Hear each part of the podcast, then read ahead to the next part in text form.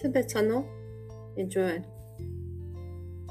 Тэгээ та бүхэнд энэ нэгэн зөвлөгөө гэж бодсон юм. Аа яг үндэ би чөтгөрийн тухай ер нь судалдаггүй. Бараг үздэггүй. Тэгж ярих юм бол дээрх принцип хүртэл бараг сонсдоггүй. Хаяада ганц хоёр энэ номын нэг л номыг харж ирсэн байх бараг. Тэгээ чөтгөрийн тухай мэдээлэл тэ холбоотой мэдсэн үзэж сонирхож цагаа алдахыг хүчээдгүй түүнийг алдаршуулах ямар ч юм хийдгүү. Аа тэгэхээр би маш их чөтгөрийн талаар ангилал яасан олон төрлийн ангилал байдаг ч юм уу та нарын бүр хизээ бодож байгаагүй бодож болохооргүй олон мужид сүнсээ би мэддэг.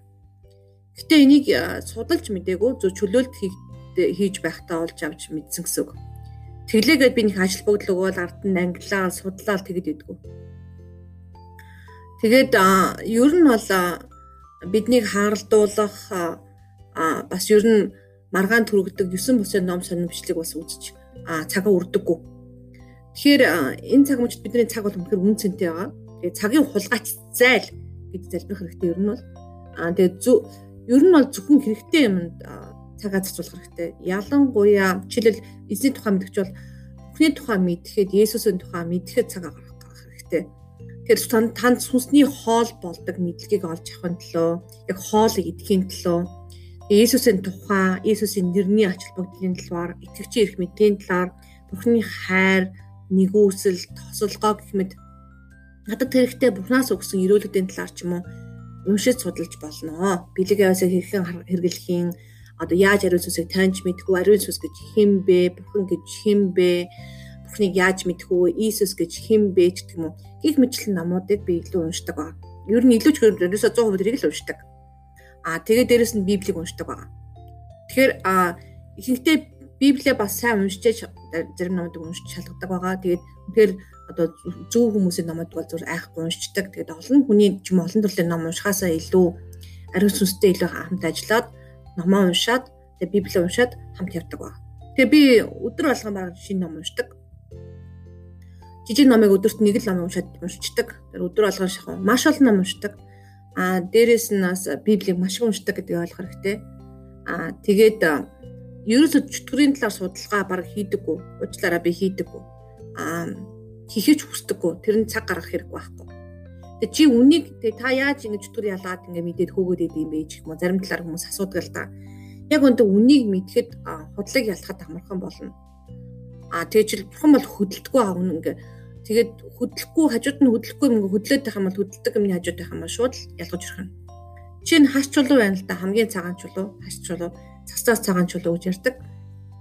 Тэгэхээр хашийн хажууд ямар ч юм ээ цагаан цаас савихад хүртэл тэр нь цагаан биш байдаг гэж хэлж байгаа байхгүй. Тэрнтэй адилхан үннийг мэдхэд худал юм шууд ил гарна. Тэр Иесусыг мэдээж ойлгох юм бол Иесус биш ч юм уу Бурханаас ирээгүй Бурхан биш юм шууд харагдаад танигдах байхгүй. Тэгэхээр чи саарл имийг цагаан чулуу байна ч юм уу цагаан гэж итгэсэн байх юм бол итгэл үнэмшилтэд итгэцэн бас байж болох болно.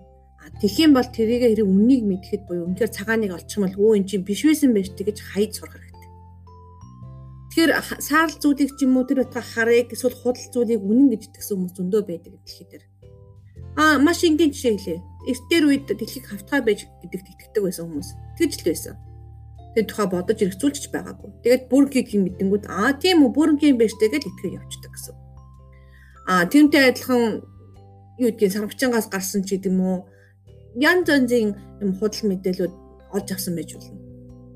Самчаас хүн төрсөн гэх мэт. Тэгэхээр яг нэг цагт хүртлээр тэр мэдээлэл одоохонд үнэн байгаа байхгүй төртэй. Үнэхээр батлагтаад биш гэдэг нь мэдчих юм бол Тэгэл тэр нь бол удлаа болж хөрнө. Тэгэхээр хүний онол ч юм уу хүнээс гаргасан янз бүрийн бүр тэр дааш бүр теологийн ойлголтууд хүртэл буруу теологийн ойлголт. Тэгээд нөөдгөндөө итерхий өмнөшөөд тэр өөрийгөө хязгаарлаж байгаа. Тийм учраас энэ олон теологийн бахан ойлголтууд гарч ирж байгаа. Одоо урсгал чиглэлүүд гэж хэлэх юм уу да ер нь бол. Би теолог буруу өнтер гэж хэлээгүй шүү. Миний үгийг гажуудвал за. А тэгэхээр ер нь анхаас ичтгэр бол сатан бол маш худал хуурмгийн худал хуурагч байгаа. Худалч байгаа. Тэгээд яг үннийг анх Евэг яаж мэхэлдэг вэ гэхээр мэхэлдэг байгаа. Бурхныг худлаа муу болох гэж харагдуулж байгаа. Дээрэс нь худлыг үнэн болгож харуулж байгаа. Ингээд нүд чих нь бэглэгдээд нөгөө хүн чинь бэглэлтэнд унчиж байгаа бүр бүхнийг мэддэг хүртэл унчиж байгаа. Тэгэхээр та бүхэн маань миний нүд чих нэгдэх болтугай илчлэлийн сүсийг өгөөч гэж эзэн мэнэ гэж залбирах хэрэгтэй. Тэгээ ариун сүсээр намайг дүүргэж өгөөрөө гэж хэлээрэй. Ариун сүсээ та намайг дүүргэж өгөөч гэдэг. Тэгээд үгийг тайлбарлаж өгөөрөө гэж үнэхээр библийг уншихтаа хамт хэлэх ёстой.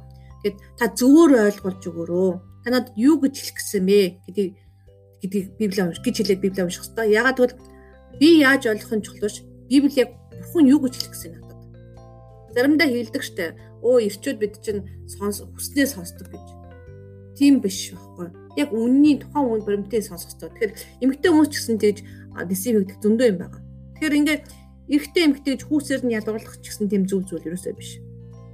Ингээд бурхан дэлхийг үнэхээр хайртай тул та үгээ явуулсан гэдэг ерөөсөө мартаж болохгүй. Тэгэхээр эзэн бурхан үнэхээр танд хайртай. Тэр хайрын тухай түүж уншаараа та бүхэнд бүхний хайрын тухай мэдхэд үнэхээр худалдан мэй та илүү их ялгадаг болно. Тэгээ танд баярлалаа. Хүмжилтсэ.